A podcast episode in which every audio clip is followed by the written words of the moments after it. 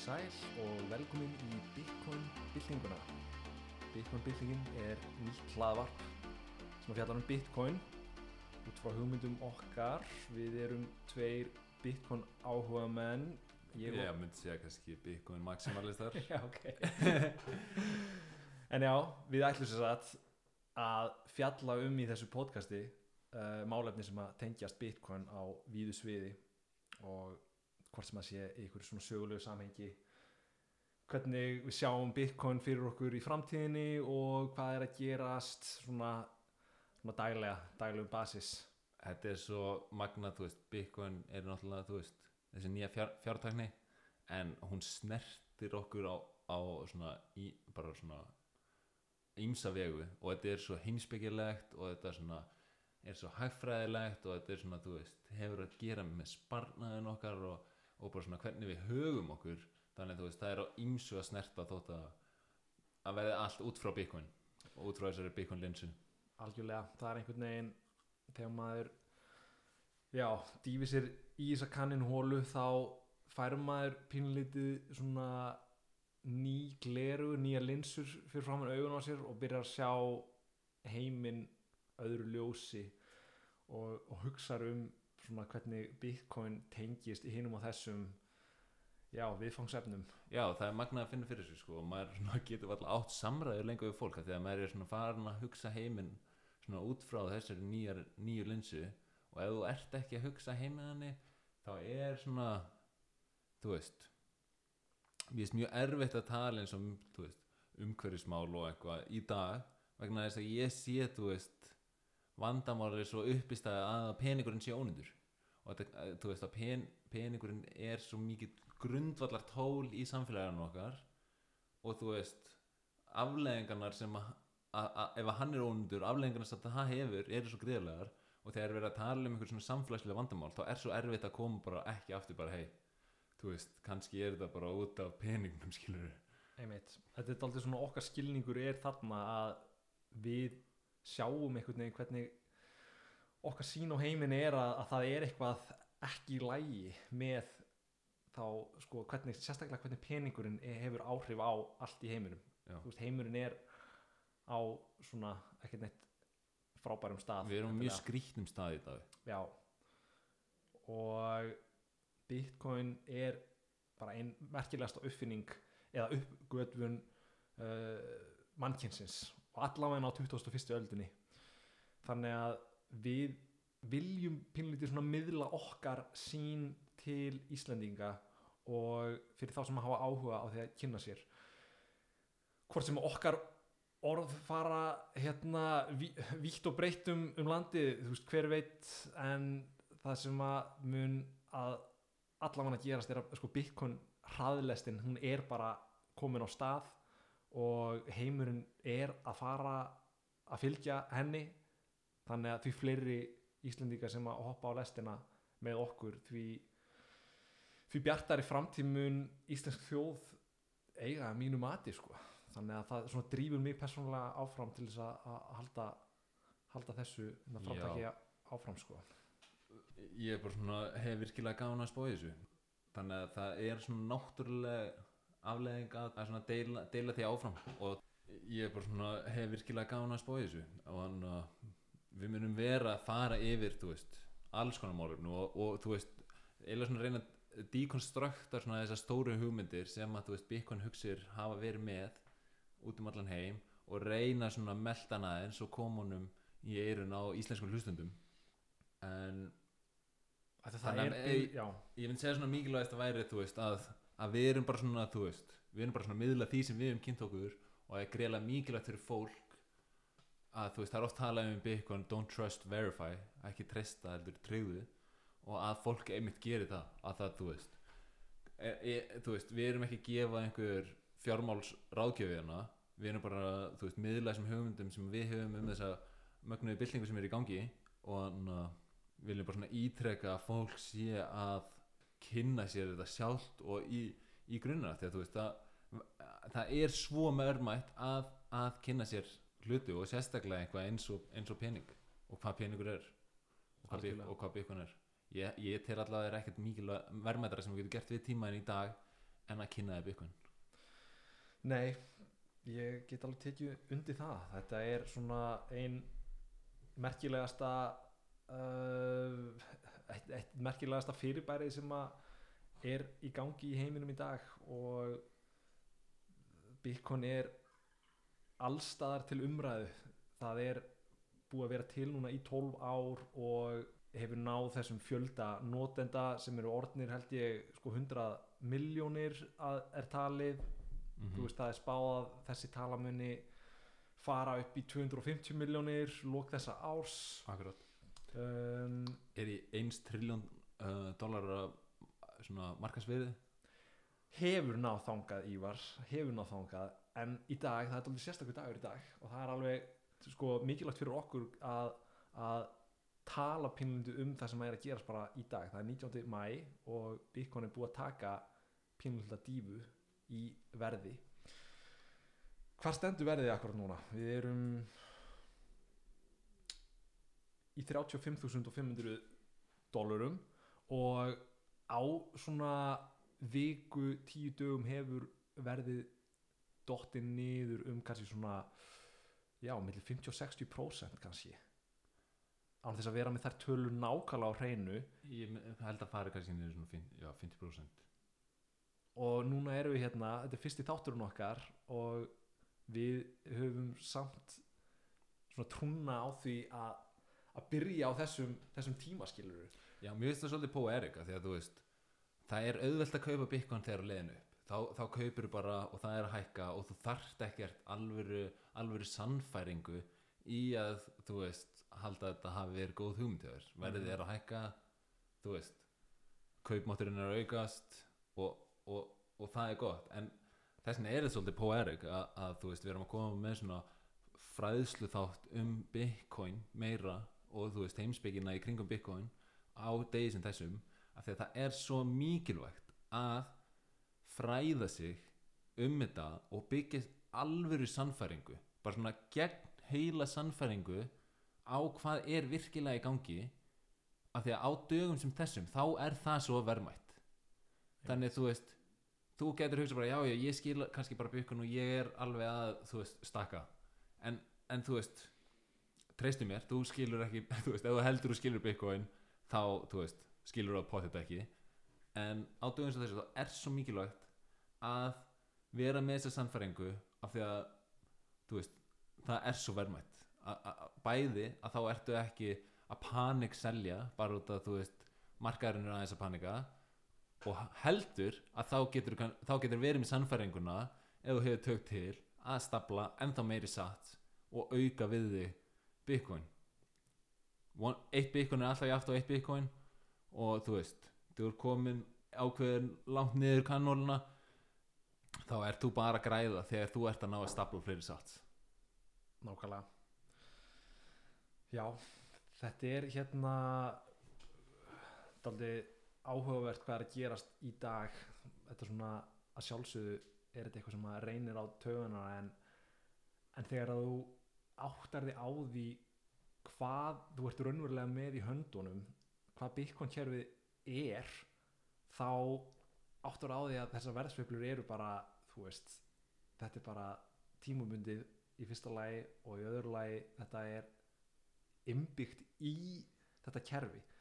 Við erum að tala um early adoption tækni 12 ára gömul uh, sem er mjög ungt þegar þú talar um kerfi af peningum. Veist uh, samanburðar samanburðar fyrirbærin eru gull sem á 5000 ára peningasögu og, og svo framvegis Já. þannig að 12 ára saga á bitcoin þetta er mjög ungt fyrirbæri þetta er bara mjög, mjög út, já, akkurat þannig að með svona ung fyrirbæri þá hérna eru verðsveiflunar meiri Já. og hugmyndin er svo að þeir eiginleikar sem að Bitcoin hefur fram á að færa sem að við munum fjalla um hérna í, í þessu podcasti uh, ef að þeir eru það góðir og þeir eru það sterkir að þeir geta fært mannkynnið upp á, upp á það, að, það stig sem að, við teljum að Bitcoin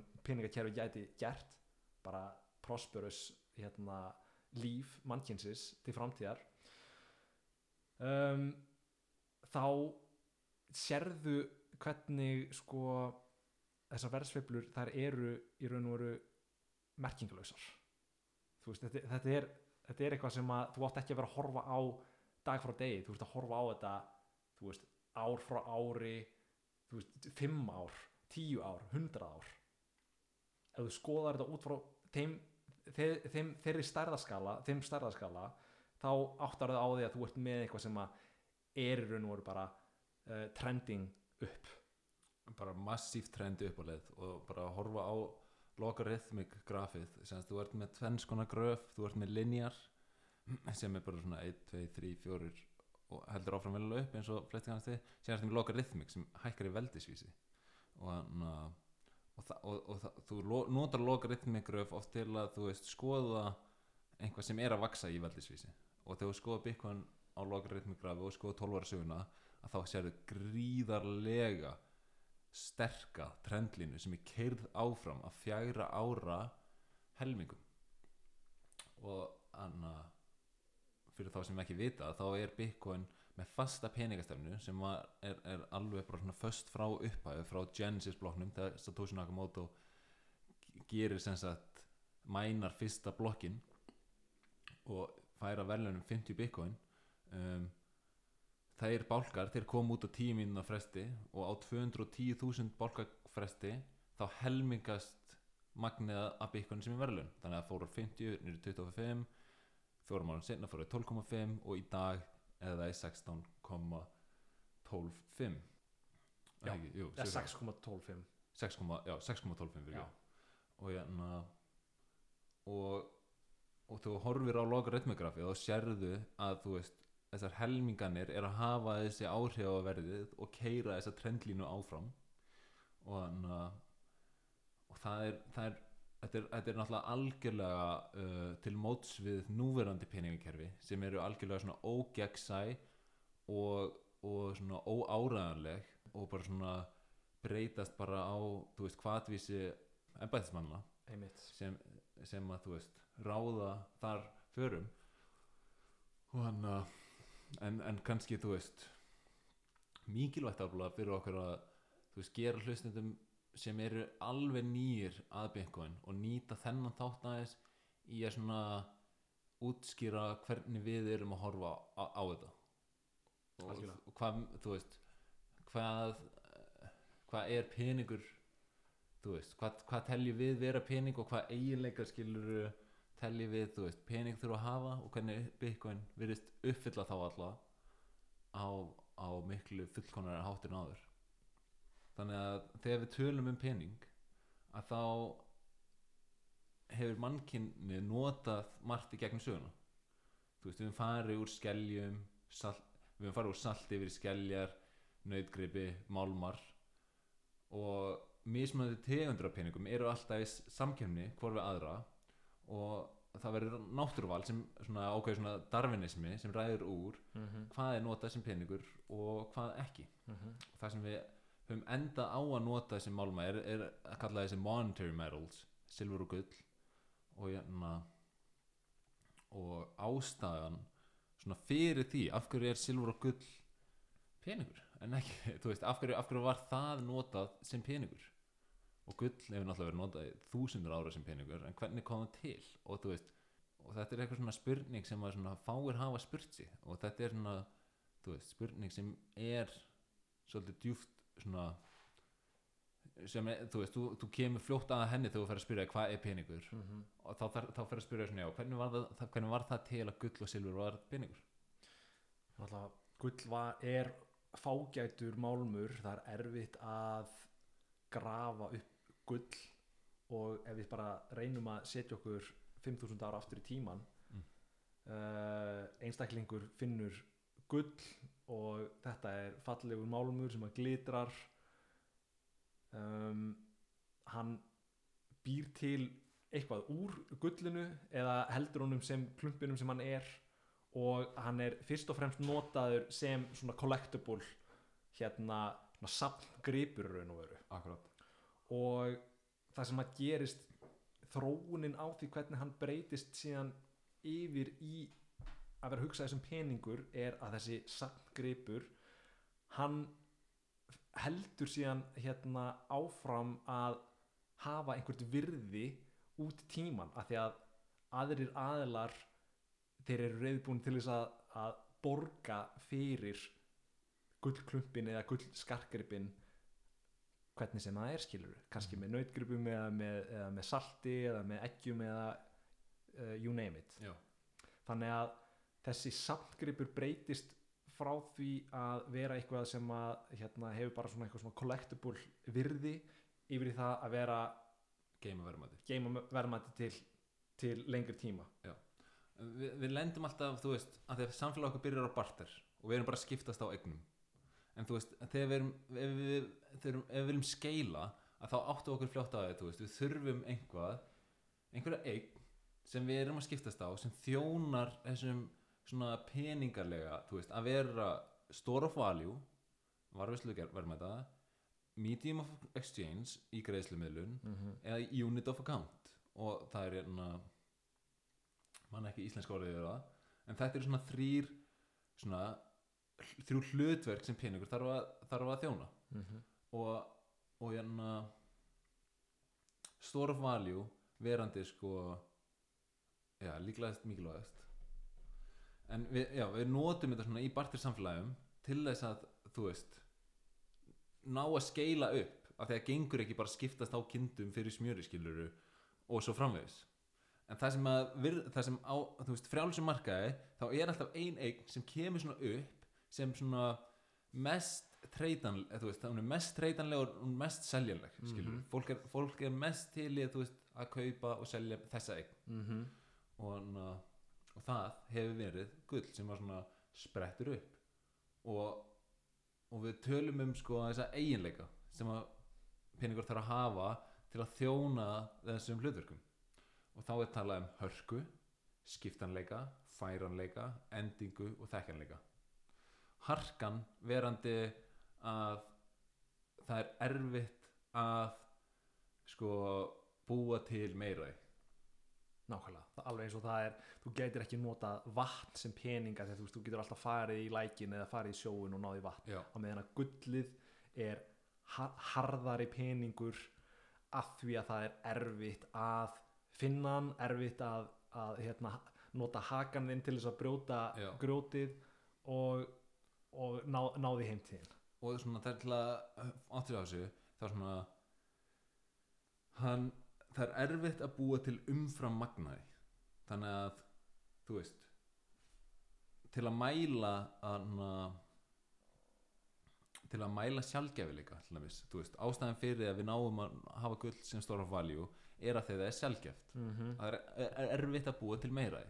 og þess vegna var hægt að nota það sem stóra value þannig að þú veist, til að mæla selgjafilega þá er oft tekið stock to flow. Og þetta er alveg svona, já, mjög, mjög góð svona koncept til að ná að átta sig á sjálfgjafilega og, og stock to flow er sem sagt byrðir yfir flæði. Ok, byrðirnar eru núverandi byrðir til dæmis af gulli. Ef við tökum gull sem dæmi, þá er bara Mhm. byrðir núverandi gull sem er til í dag. Og flæðið er árleg framleiðsla. Þannig því herri hlutfall sem þetta uh, anna, byrðir yfir flæðið er að því betra er það í að geima valjú af því að það er erfitt að búa til umfram magnaði. Þannig átt að því skilur ef að þú myndir geima allt valjú eitt í kopar mm og, og, og sannfæra stóran hópum að gera sama og verðið á kopar myndi bara rjúku upp þá sendir það signal á markaðin að búa til meira kopar. Mhm. af því að það er æfinlega þannig að það sem þú peningavæðir þú svona, þú veist incentivæsar gefur kvata til hagkerfisins til þess að framlega meira af því. Akkurat. Já, og það er svo mikilvæg punktur í þessu. Og Já. svona átt að segja á því að hvað sem það er sem þú peningavæðir að þá ert að hvetja markaðin til að búa til meira af því. Og gull er með stokkt og byrðir yfir flæði hlutfall í kringum 70 já, meðan silfur er í kringum 20 og þetta eiginlega einu tveir hana málmannir sem eru í, þú veist, einhvað vel yfir einn. Flesti málmar eru bara í kringum einn. Byrðinar er í kringum árlegt flæði. Já. og þess vegna er ekki hægt að nota hina málmana í að geima value. Þannig að því herri sem talan er í þessu stock to flow hlutfalli því verðmætiri virðist eignin vera. Bara total market capi virðist vera að herra þannig ef að ég sem að leikmaður á, á markaði uh, kemur ekkin mín ég er reyðbúnar til þess að taka gull að ég veit að það er ekki líklegt að það sé einhver sem að næra framlega alveg ógeðslega mikið af gulli og yfir flæða síðan markaðin með gulli til þess að rýra í raun og veru vergildi og þannig þú sér þannig að gulli þarf að vera þekkanlegt mm -hmm. Það þarf líka endast. Og þú veist, gulli er náttúrulega bara svona þú getur ekki eitt gulli, það bara endist endalust frumefni sem að heldur bara Já. alheimurinn klárast. Já. og, og anna, þú veist, það, það er færanlegt og það er skiptanlegt svona tildulega skilur Já, þú, Þú getur, þú getur tekið gull og brætta niður búið Já. til peninga Já. og svo framvegis, stangir. Um, þannig að það- þú- veist, gulli með alla þessa eiginleika penings með hástóttufló og þetta er ástæðan fyrir peninga veitum gull. Mm -hmm. uh, Svo ertu með samt sko eiginleikan sem að er hérna færanleikin já, það er sko gull hefur gengt hlutverki penings í 5000 ár og það hefur ekkert komið sem að hefur verið betra. hefur verið betra. Nei, en en gull er ekki fullkomið af því að Nei. þú ert með þarna þennan færanleika. Þú ert með, þú veist, gull er þungt já, og þú veist, hver er eiga gull í dag það eru, þú veist, einstaklingar eiga gull sem skartgripi en þjóðuríki eiga og seðlabankar geima gull í hérna dýflis, dýflisum sínum já, og það er Skilurðu? mjög, áhugavert að pæli að þú veist, í fiat kerfinu sem við erum í dag það sem að hagfræðingar segja að gull sé skiptir engum máli skilur og peningur sé bara eitthvað sem ríkistjórnir gefa út það eru samt þessir seðlabankar þessir fiat seðlabankar sem eru stærstu kaupendunir af gulli í dag einmitt það er mjög áhugavert að þú veist að það er, þú veist, að þeir séu að nota þetta sem stórvaljón en ekki við skilur það er búið svona, þú veist, það er svaklega miðstyrning náttúrulega í kringum gull mm -hmm. út af því sem hún endur að færanleikin er ekki er ekki góð með gull Mhm. og sérstaklega þegar við fórum að færa okkur yfir í svona alheim samfélag og, og, svona, þú veist, tengjast meira þannig að þá fór gull að verða mjög mikið vesen kannski áhugavert að hérna, tala þá pínlítið um sko, veist, hvað peningurinn í dag er hvað bakkar upp virði peningana. Já.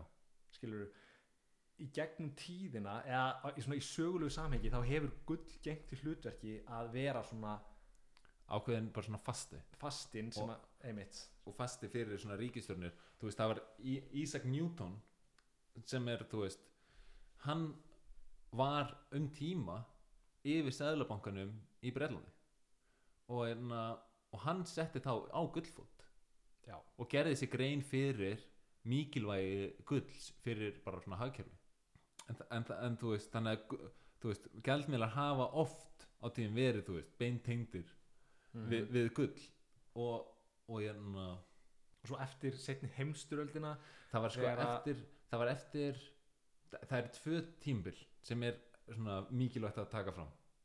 Og fyrra er hérna 1933 eftir fyrri heimstyröldina Uh, þá er hérna framkvæmdar skipan 6102 þar voru allir sem sagt bandarækjumenn þvingaðir í að skipta gullirinu sínu út fyrir bandarækjadali eða vera dæmdir mögulega í 10 ára fangilsi og, hérna, og þetta svona já er, er mikilvæg punktur í þessu Á, ástæðan fyrir að þeir ná að gera einhver svona lög er út að líka því að það er erfitt að geima gull mm -hmm. fyrir einstaklinga. Þú þarft, það er, þú veist erfitt að geima og það er erfitt að skiptast það þannig að þú veist, það sem fólk gerði var að það fór með gullið sitt í bankana þeir geimdu það fyrir það og síðan fekk það bara ávísun fyrir gullinu. Og það gæti nota þessa ávísun í, a, í að vestla skilur en þegar bankan eru komnir með svona, þú veist, mikið gull og svona mikið vald að þá er svona á einhverjum tímpúndi að þá svona þú veist geta þær sagt bara, hei þú mátt ekki fá það lengur. Einmitt. Sem að gera þarna 1933 já, og, og, og, og þvinga fólk í að, í að skipta á gullinu. Þetta er mikilvægur tímpunktu til að vita. Ma- af framkvæmdanskipan 1602 næsta er 1944 það er Bretton Woods og anna, það kom þannig til á seinni heimstyrðina Evróbúar fóru að flýja með gulli sitt til bandaríkjana sem vernd gegn ránum nazista og þegar, þegar nazista ráðast eh, inn í nýtt land að þá var það fyrsta sem þið gerði voru að fara í sæðlabankan og ná gullinu. Þar er powerið skilur þú veist legur komið gullera þá ertu bara að koma með það skilur þú veist, the power. Mm og hérna þannig að þegar, þú veist, Evróbúar sjá þetta gerast að þá fara þeir að flýja með gullið sitt til bandaríkjana og það setur svona bandaríkin í gríðarlega valda mikla stöðu. Og að lokinni að sinni heimstyrjöldin að þá er bandaríkin sett í sess sem alhinn sæðlabanki bandaríkjadólarinn varð hengdur við gull Já. og allir þjó, alþjóða gjaldmiðlar hengdu við dólaran einmitt. Og þetta er svona, þú veist þetta er eitthvað sem maður veit ekkert af fyrir en maður byrjar að kafa niður þessa spurningu, hvað er peningur? Maður gerir sér ekki alveg grein fyrir svona hvernig það kom allt til. Einmitt. Og hérna, og bandarækjumenn þeir voru sagt, með þessa þennan gullfót í gangi frá set, lokum setni heimstyraldarinnar já, og allt til ársins hvað, 1971 1971 það er ábyggilega þú veist þetta er einn ein merkasti tímapunktur í svona okkar okkar nútímasögu. nútímasögu. þetta er þegar Nixon tekur bandareikin af gullfætunum Já. þeir eru miðju Vietnamstríðinu búin að eigða umfram eiga Mhm. ekki efni á því að borga skuldir einmitt og eiga ekki efni á því að þú veist ef að allir myndi vilja innleysa peningi sinn þú veist þeir eru búin að gefa út umfram pening basically en þeir áttu af gulli mm þannig að þeir sögðu þannig bara við ætlum að fara af gullfætinum en með lofurði að þeir myndu fara aftur á hann einmitt. sem þeir gerðu samt aldrei. Já. og síðan þá þetta var tímabundið. Já þetta var tímabúti, ekki sem að, er, sem að er sko ótrúlega fyndið að því að stjórnvöld segja oft þetta eru tímabundnar aðgerðir og svo er það bara til Já. frambúðar. Það er náttúrulega fræðsetning bara there is nothing as permanent as a temporary government policy. Nákvæmlega. Og na, á náttúrulega vel við hérna að þú veist að þeir fara aldrei aftur á gullfótinn. Og, hérna, og, ta, og þetta er oft talaður um svona sem veldipunktur í samfélaginu okkar. Og þú veist, menni svo Erik Weinstein þeir, ta, þeir tala um þetta og segja bara svona það gerðist augljóslega eitthvað 1971 Já. Eik- in the, in the 70s skil, eð, þú veist 1970 og eitthvað. Mm en, en síðan eru menn ósamal um hvað gerist. En þú veist, bitcoinar eru bara svona að þú veist, reyna að halda þið fram að það sem gerðist var að peningur fór af ákvörðum svona staðali og var bara í lausu lofti. Og afleðingarna sem það hefur eru gríðarlega miklar af því að þú veist það er heldur ekkert skrítið, peningur er grundvalla tól samfélagsins okkar. Einmitt. Þannig þú veist, það er ekki skrítið að þú veist að hann hafi grundvalla áhrif á samfélagið þú veist. Nákvæmlega. Og einmitt þegar að eftir 1971 þú veist þá þá fara stjórnvöld að prenta út peninga eins og enginn sem morgundagurinn. Um, og það var svona fljótlega eftir þetta voru sumi sem voru byrjaðir að átta sig á að herri, þetta er eitthvað sem getur ekki gengið til, til frambúðar og þetta er ekki sjálfbært kerfi. Þetta á eftir að enda illa.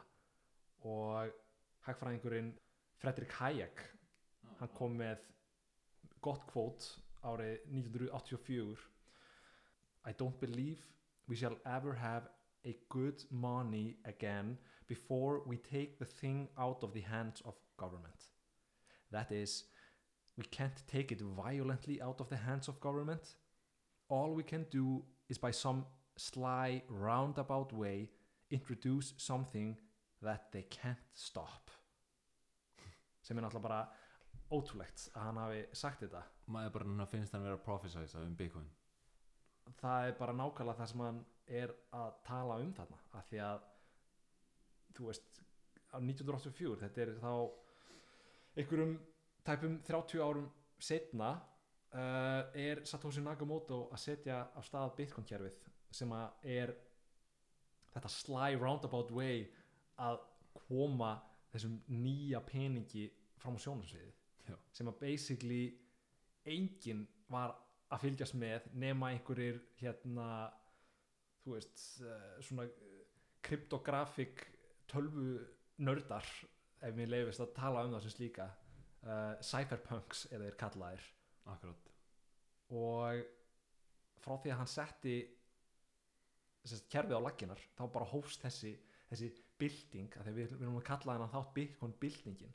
Og þessi bylting hann er að bóða þennan nýja betri og harðari pening að þú talaður um að við tölum oft um já, ha- harðan pening. Er, Einmitt.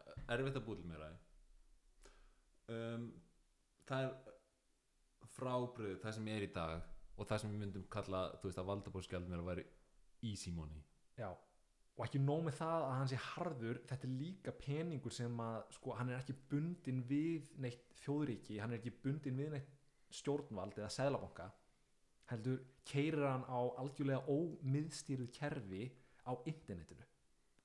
mm -hmm. Veist, þetta er alveg, þetta er bylting sem að hérna átti sér stað og er að eiga sér stað. Og við erum að horfa fram á að heimurinn er að breytast alveg gríðarlega hratt og að hann er að fara í áttina að Bitcoin. Já. Það er, þetta er svo mer- magnað að þegar þú veist eftir 1971 að þá erum við á þessum valdabórskjald meðla staðali mm -hmm. við förum af hörðum pening sem gull er og yfir í auðveldan pening easy money. As in að það er auðvelt að búa til meira á þeim. Eins og það er ekkert nefn að skrifa tölur í tölvu í dag til að búa til pening. Já. og bandaríkinn voru að prenta út bara triljónir dólar á síðasta ári og, og munu halda áfram á þess ári. Og það er ekkert nefn að tölur í tölvu. Þannig að þú veist það hefur verið talað um að sko að frá COVID þá hafa peningar sem að Sælabanki bandaríkina prentaði dólararnir sem að Sælabankin prentaði já, eru um 20 eða 25% af tótal. öllum dólarum sem hafa verið prentaðir í sögu bandarækjadólarans já, á einu ári. á einu ári og að ná sér bara svona gera sér grein fyrir hvaða afleðingar þetta getur haft á samfélagið. Ég, ég skal segja það, þetta er bara ímyndaður og sért með könnu, bara djús. Og svo seturu, þú veist 25% meira vatn í könnuna Þinn, þinn er hann út bara þinn þetta út Já. og allir, allir krakkanir í amalisveislunum vera pyrraðir Já. og þetta, þú veist, þetta er sem við köllum byggunar, við köllum þetta oft fiat þú veist, ja, ég elska íslensku orðið valdabóð skjaldmiðlar af því að það næri vel í kringum hvað þetta er að við myndum ekki nota krónuna nema bara vegna þess við erum þvinguð í að Einmitt. greiða skattan okkar og- með, með þessari krónu þannig að þú veist þetta form, þetta, fí, þetta fiat þetta forma pening er í raun miksta forma pening í mannkynsugunni vegna þess að kosta nákvæmlega ekkert að búa til umfram einingu á því. Og þetta er mjög mikilvægt koncept. Það kostar ekkert að búa til umfram einingu á því. Og þannig kemur svona proof of work koncepti í Bitcoin. Vel, þú veist ma- að sig á því og mikilvægi proof of work mm -hmm. til þess fyrir pening að vera svona sound eða hard. Um, en já eins og segi þá breytist allt 2008 þegar að Sælabankar heimsins er að keppast við að prenta út pening í kjölfar, kjölfar kreppunar 2008 að þá er Satoshi nokkur Nakamoto að gefa út opið hugbúnaðkerfi sem kallast Bitcoin. Og Bitcoin er já, ekki miðstýrt, þetta er dreift kerfi og það er líka annað koncept í þessu sem er mjög mikilvægt að Bitcoin er dreift kerfi. Engin einn maður sem stjórnar því og hérna eða, eða, eða getur eða getur stjórnaði Svo líka að tala um að Bitcoin sé antifragile og það er svona fyrir pínlítið inn í þetta sem voru að tala um sem dreift kerfi. Uh, Árásir á Bitcoin kerfið hafa aldrei gengið upp af því að þú ert með dreift kerfi til dæmis ef að þú værir með heima hjá þér uh, nóðu sem að geymdi allan Bitcoin gagnagrunnin sem er náttúrulega einn af grundvöldin þess að- að kerfi getur haldið sér. Og ég myndi koma með hamarinn minn og, og lemja í nóðuna þína þannig að ég myndi eðleikana þá ertu samt með þú veist þúsundir eða tugþúsundir eða hundruð þúsunda hérna, nóður út um allan heim sem að geima kerfi sömu leiðis já, akkurat og þú veist hvað myndi gerast? Ég myndi eðilegja hérna, nóðuna þína þú myndi fara beint á Twitter og segja bara herðu það er bara verið að, að rústa nóðum hérna á Íslandi sem að myndi senda skilabóð til alls heimsins sem að myndi í raun og veru bara þú veist, núna þurfa allir að kaupa nóður. Já, og í raun og veru að það, þú veist, þetta er svo mikilvægt í þessu að, að það er ástæðan fyrir að, veist að, allir ætti að keira nóðu er bara svona að halda dre, dreifingunni en að einmitt, eins og þú segir, að þú veist ef við tökum til dæmis bara svona núverandi kerfi, þá er í raun og veru bara ein svona masternóða sem við köllum bara það Fe Federal Reserve í bandaríkjunum. En, en í Bitcoin þá ertu bara með dreifða nóður og allir geta keirt sína nóðu. Mm -hmm. þannig að þú ræðist á eina þá eru allar hérna lifandi. En síðan er náttúrulega hvernig þessar nóður halda síðan allar konsensus og eru í samþykki upp á hvernig, hver raun staðan er hverju sinni það er listin sem að þú veist eða töfranir sem að Satoshi Nakamoto þú veist, næra að gera er, er að halda öllum nóðunum í konsensus Mhm. og það er með þessari leið að að nota proof of work í að mænerar mæna sem sagt nýjar millifæslur Mhm. inn í bálka sem að bætist við keðjuna og allar nóðunar eru í samþykki um hver nýjasti bálkin er. Mhm.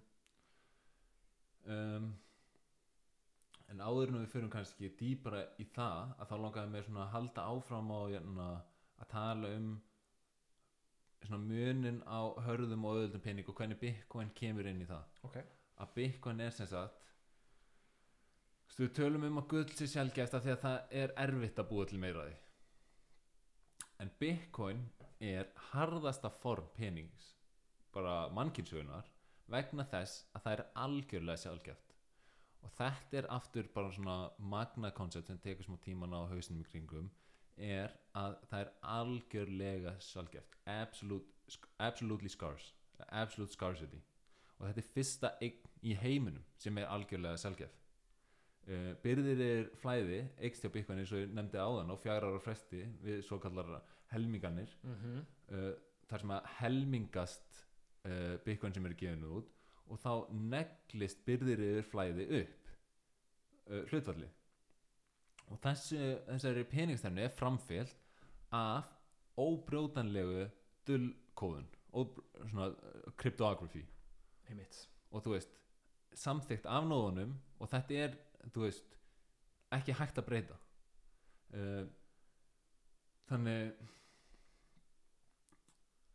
þetta er líka fyrsta tegund eignar sem breytingar á verði hafa algjörlega engin áhrif á frambóðið og, og það er líka bara klikkun að reyna að pæla í því sko. af því að þú veist, þegar þú ert með gull að þá segjum að þú veist gull væri bara aftur, við myndum fara á gullstandardin og, og þú veist, allir myndu taka upp gull.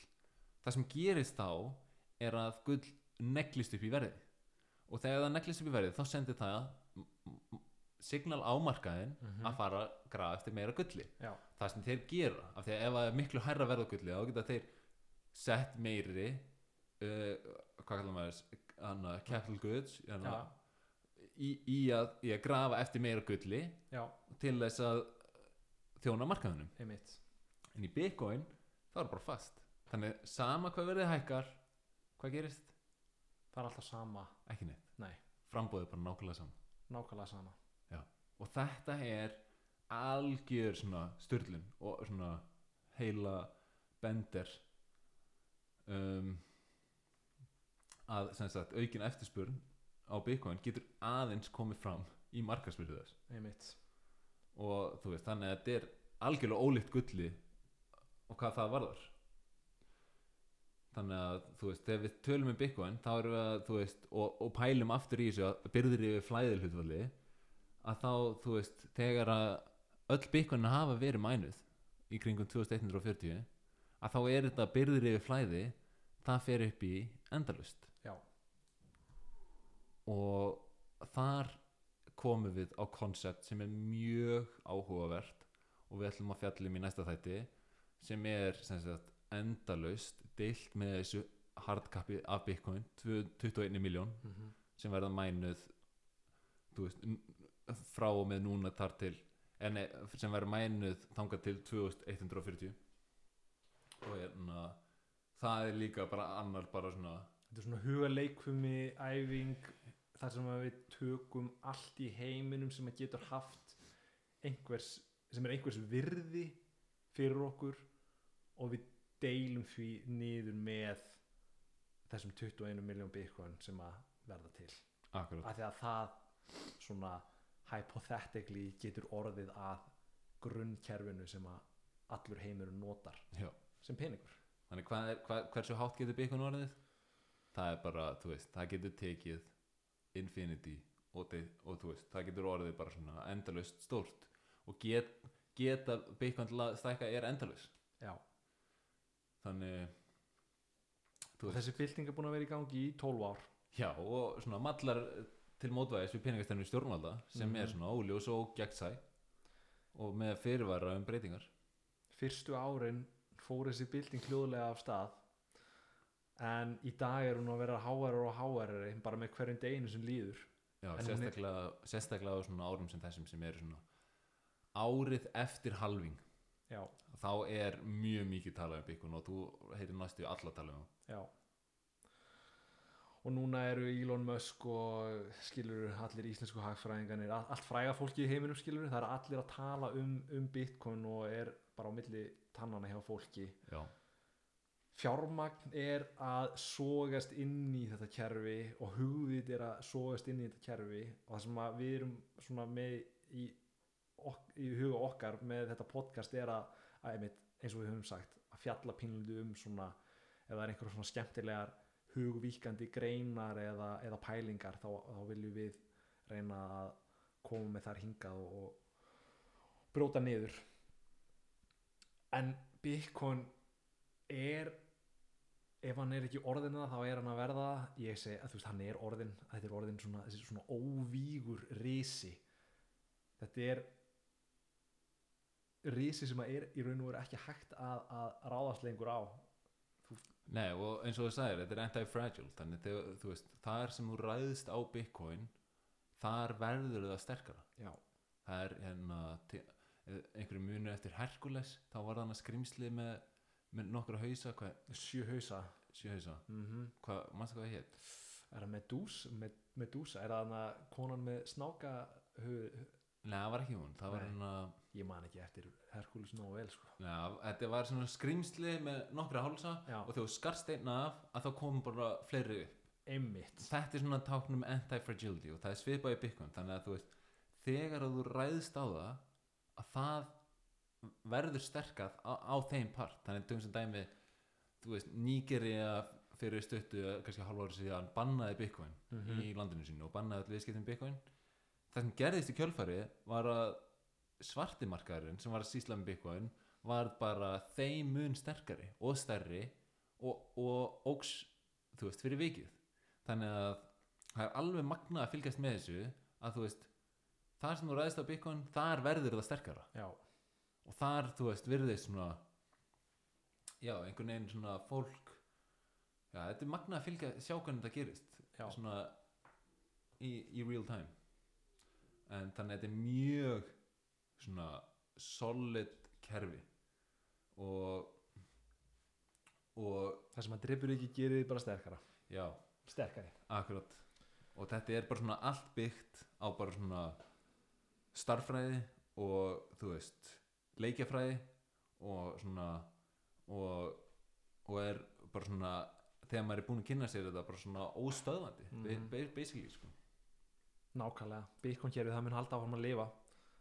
Já, það munum halda áfram að lifa. Og, og það er einmitt, ma- alltaf þegar einhver, einhver bjátar á alltaf þegar kemur einhver upp á eins og núna þú veist, verðið er að falla niður. Já. og Elon Musk er að tvíta sko, Bitcoin doesn't give a s skilur Já. Því er alveg sama. Það heldur áfram að gera nýja kuppa á tímiðna fresti. Akkurat. Kerfið heldur áfram að ganga. Já. það snýst ekki um verðið þannig sé, þetta er, þetta er bara að upplýsingarnar halda áfram að verða til.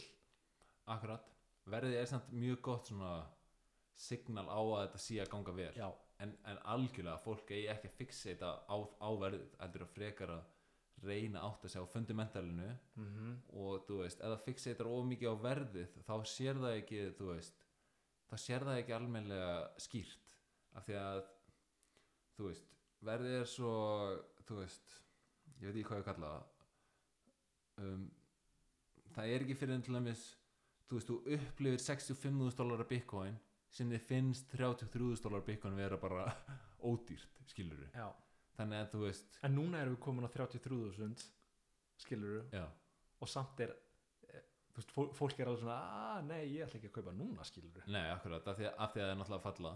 En, en þú veist en það, það finnst bara veist, það finnst það bara lágt verð í dag út að það var aðeins herra fyrir stötu þess vegna er svo mikilvægt að fara í algjöran grunninn af bara svona hversu valuable er þetta í raun og veru? Og það er svo miklu verðmætara að átta sig á þeirri spurningu. Að þeir leiðu aftur á því þá er bara wow, bitcoin er svo ódýrt að það er bara grín. Og við ætlum að reyna að já, fara yfir þetta atriði nákvæmlega í næsta þætti. Akkurat, þegar við ætlum að taka þarna óendarlegt dill með 21 miljón já. Um, er þetta ekki bara ágætis upphaf af hérna þættinum, eitthvað annað sem við viljum Jó, bara þú veist, að fólk átti sig á að þú veist, þetta koncept af hörðum pening Mhm. og sound money principles er svo gríðarlega mikilvægt að átti sig á af því að það er ekki í núverandi kerfi og þegar þú spyrði einhvern sem þú heldur að vita hvað að tala um einhvern íslenskan hagfræðing sem er af Keynesian skólanum að þá gerir hann sér enga grein fyrir mikilvægi sound money, skilur og þú veist, staðan er samt svo að harður peningur valinn á frjálsum markaði ekki af ríkistjórnum hefur ríkt fyrstu 4900 af 5000 ára viðskiptasögu mannkins þannig að þú veist við erum bara þetta er bara tilraun sem að er í gangi núna með Fiat kerfið já, og hún er að mistakast Já. fyrir framann augun á okkur. Og endurreist harðs penings er bara upprisin í bitcoin. Algjörlega. Og þú veist bitcoin er bara áræðinlegasta peningastefna mannkynsögunar sem er að sundra óáræðanlegastu peningastefnu mannkynsögunar þannig þetta er gríðarlega merkilegu tími sem við stöndum á núna. Mjög mikið óljóst mjög mikið sem fólk skilur ekki þú veist og mjög mikið verið að blekja fyrir fólki. Þannig að þú veist í gegnum þessa byltingu þá er oft eins og fólk haldi að þetta sé Bitcoin sé einhver svona ný tækni í greiðslumöðun þú veist og, svona nýtt vísa eða nýtt paypal já, og, bara svona, svona, og, þetta, og, hafi, og þetta sé komið með núna þessi blockchain tækni sem Já. muni bara núna geta veist, tekið millið úr öllu en, en þa það er bara ekki raunin og þú veist, maður verður að, maður verður að átta sig á mikilvægi hard money eða penings með hörku og peningasögunni til Mhm. að átta sig á Bitcoin en þú veist, það það hjálpar ekkert að vera tæknifróður til dæmis. Það eiginlega hindrar fyrir þér. Það, af því þetta er svo gjör nýtt konsept og ef þú ert tæknifróður þá hugsaður bara já við getum bara forritað þessi vandamáli burtu. En þetta er, er miklu meiri leikjafræði og, og þú veist á baku þetta. Hann skrifaði meira svo um þetta Jeff Booth í Price of Tomorrow. Hann skrifaði um þegar að mannkynni er að ganga í gegnum svona umbreytingar tímabil þegar að það er einhver svona mögulega tækni sem er að taka yfir aðra. Mm. Þá er betra að koma inn með sjónarhorn áhuga mannsins heldur en sérfræðingsins Já. þannig að bara tökum dæmi um þú veist, í bandaríkjunum um aldamótin 1900 þegar að lestakerfið var eina samgöngu tæknin í bandaríkjunum sem að fólk notaði, þú veist, Mm. fyrir utan hesta Mm. þú ert að finna upp bíla þú ert að finna upp flugvilar sko, lestafyrirtækin voru ríkustu fyrirtækin á þessum tíma og þau sáu alveg þessa nýsköpun sem var að gerast en þau hugsuðu með sjálfur sér þú veist, nei, það á enginn eftir að nota bíla þú veist, við erum með luxus hérna. Hérna eru, þú veist, þú getur verið og setið og fengið mat og verið í þínu eigin hérna pláss og labbað um og séð útsinni en þú veist, þetta er ekki það sem að fólk vildi. Mm -hmm. þannig að áhuga menninir skilur sem að voru að þróa fyrstu flugvelunar, fyrstu bílana hver sá þetta? þeir sá þetta. Og á þeim tíma þú veist, hlutinir gengu gríðalega rætt fyrir sig og heimurinn er breyttur. Já. og við erum ángríns að lifa þetta akkurat núna. Þetta er bara svona svipa dæmi. Þannig að okkur finnst við hæfi að þó við séum mikið sérfræðingar eða mentaðir í hagfræði að þá er samt alveg, þú veist staðir fyrir okkur að vera að kynna þetta málefni fyrir fyrir þá sem vilja að heyra. Og en að við bara munum vera bara að negla út núna bara þáttum fyrir hlustundur hann nóg að tala nóg að tala. Já, það er engin skortur á, hérna, á því. Þannig að bara svona geggjað. Bara takk fyrir að hlusta og sjáumst í næsta þætti. Mikið alright